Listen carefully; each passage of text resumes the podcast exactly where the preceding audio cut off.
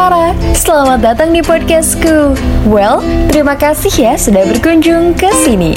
Semoga dengan mendengarkan podcast ini, Sobat Ricci bisa lebih rich akan informasi. Serba-serbi budaya kita, tempat kamu cari tahu keunikan Indonesia.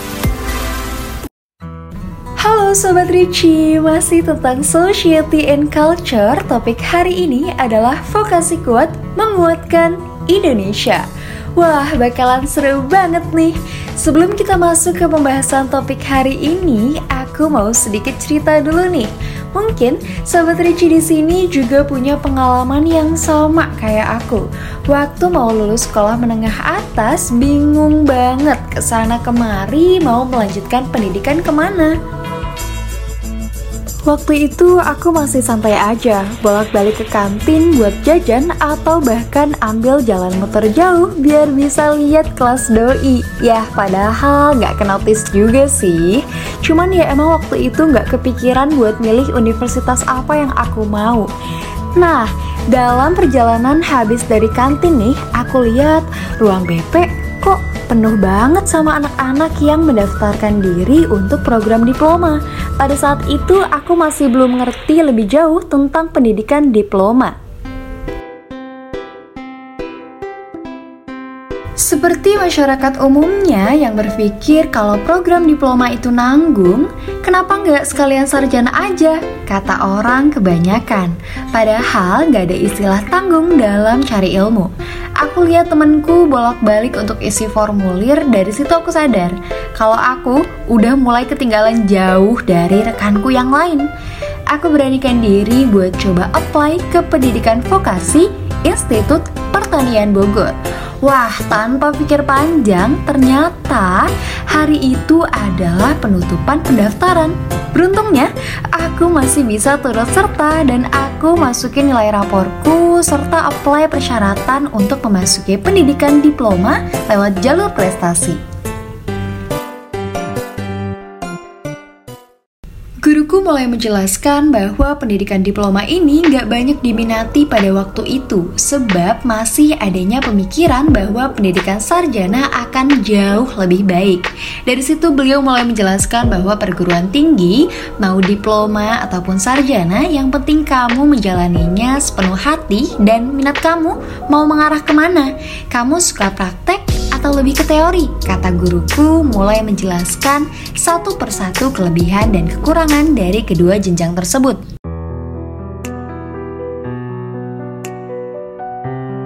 Kurangnya informasi tentang berbagai macam jenjang perguruan tinggi membuat pendidikan vokasi menjadi samar di mata masyarakat. Dari situ, aku mulai cari tahu di mana minatku. Ternyata, aku jauh lebih tertarik pada pendidikan diploma. Aku merasa tertantang untuk praktek langsung dalam perkuliahan yang akan aku ambil nantinya. Well, sudah cukup throwbacknya, saatnya aku mulai bahas topik kita hari ini yakni vokasi kuat menguatkan Indonesia.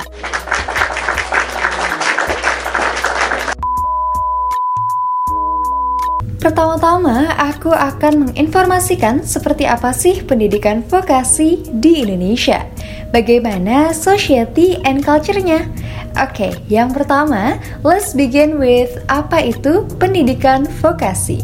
Pendidikan kejuruan atau vokasi ini merupakan pendidikan yang menekankan kegiatan praktik. Kegiatan ini dilakukan dalam rangka mempersiapkan diri menuju dunia kerja. Dalam program vokasi di Indonesia biasanya akan mempelajari program dengan topik yang spesifik. Misalnya, seni kuliner Prancis. Kemudian kamu mengambil pastry chef Kemudian misalnya jurusan multimedia, lalu kamu mengambil jurusan character design dan lain sebagainya yang benar-benar membutuhkan keahlian praktikal.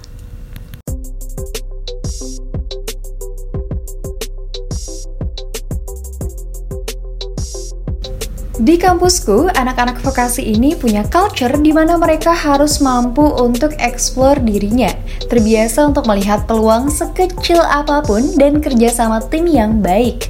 Berhubung aku ada pada jurusan komunikasi, pada saat jam praktikum, biasanya siswa akan diberikan penugasan untuk kemudian tidak berada di ruang kelas. Loh, kok bisa? Iya, penugasan tersebut mengharuskan kita untuk bisa melihat peluang. Misalnya, pada mata kuliah Teknik Penulisan Media Elektronik. Aku dan teman-temanku diwajibkan untuk meliput berita. Otomatis pada saat itu kita harus kreatif dan berpikir cepat. Kira-kira mau ambil berita apa nih?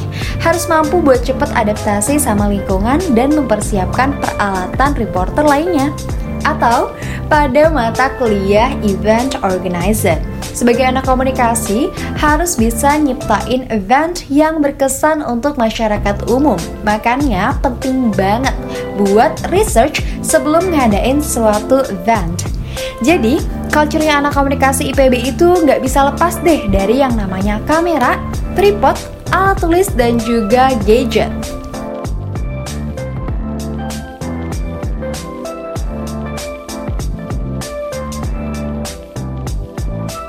Nah, aku yang berkuliah di vokasi IPB dan rekan-rekan sejawat vokasi lainnya juga paham nih bahwa dalam pendidikan kejuruan ini mengharuskan mahasiswa untuk magang sebelum lulus dari program studinya.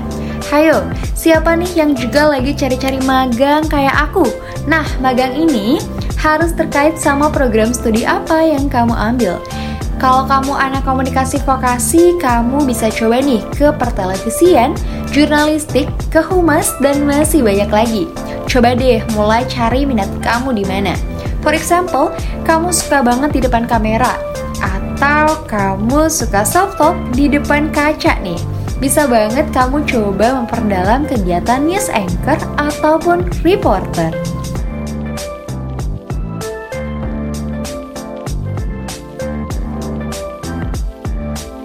Dengan adanya program magang ini, diharapkan kamu bisa mengaplikasikan apa yang sudah kamu pelajari selama berkuliah di dunia pekerjaan. Well, vokasi kuat menguatkan Indonesia. Kok bisa ya?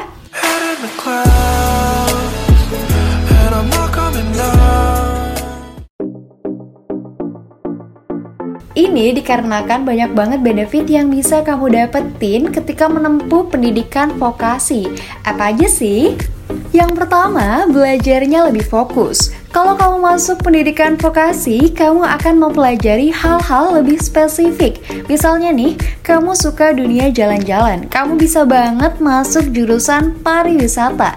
Nah, di sekolah vokasi IPB ada yang namanya program studi ekowisata. Buat kamu yang emang udah jiwanya nih suka jalan-jalan bakalan seru banget kan jalan-jalan sambil cari ilmu Nah, kemudian pada jurusan yang spesifik ini tentunya akan kasih kamu pelajaran-pelajaran yang sama spesifiknya. Kalau misalnya di S1, kamu mungkin akan belajar banyak hal yang secara teoritis. Nah, pada pendidikan diploma, kamu bisa langsung praktek. Yang kedua, pelajarannya lebih applicable di dunia kerja. Bener banget, karena pendidikan vokasi ini lebih sering belajar praktek daripada teori. Maka, apa yang dipelajari lebih applicable atau bisa diterapkan di dunia pekerjaan. Misalnya, kamu masuk ke jurusan komunikasi, kamu gak cuma akan belajar tentang teori komunikasi dong, pastinya kamu akan ketemu banyak orang, kamu akan melakukan liputan, kemudian juga melakukan wawancara yang bisa langsung diterapkan di dunia kerja. Yang ketiga, kamu nggak akan kaget saat terjun ke dunia kerja. Misalnya nih, kamu bekerja di ranah pariwisata dan kamu merupakan lulusan vokasi pariwisata. Aku yakin kamu nggak akan kaget dengan ranah pekerjaan kamu karena apa? Karena apa yang kamu kerjakan selama berkuliah, 80%-nya adalah hal-hal yang pernah kamu pelajari sebelumnya. Wah, nggak kerasa banget ya, episode anak vokasi versus manusia kuat ini sudah mau berakhir. Loh, Ra, maksudnya manusia kuat apa nih?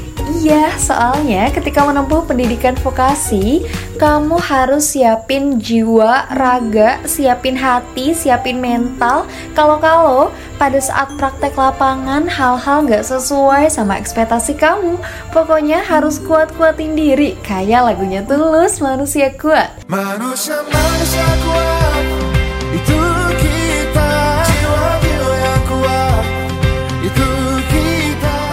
itu dia yang bisa aku sampaikan. Terima kasih sudah mendengarkan podcastku. Semoga setelah mendengarkan podcast Rich R ini, Sobat Richie bisa lebih rich akan informasi. Sampai jumpa di episode selanjutnya. Vokasi kuat menguatkan Indonesia. Dah.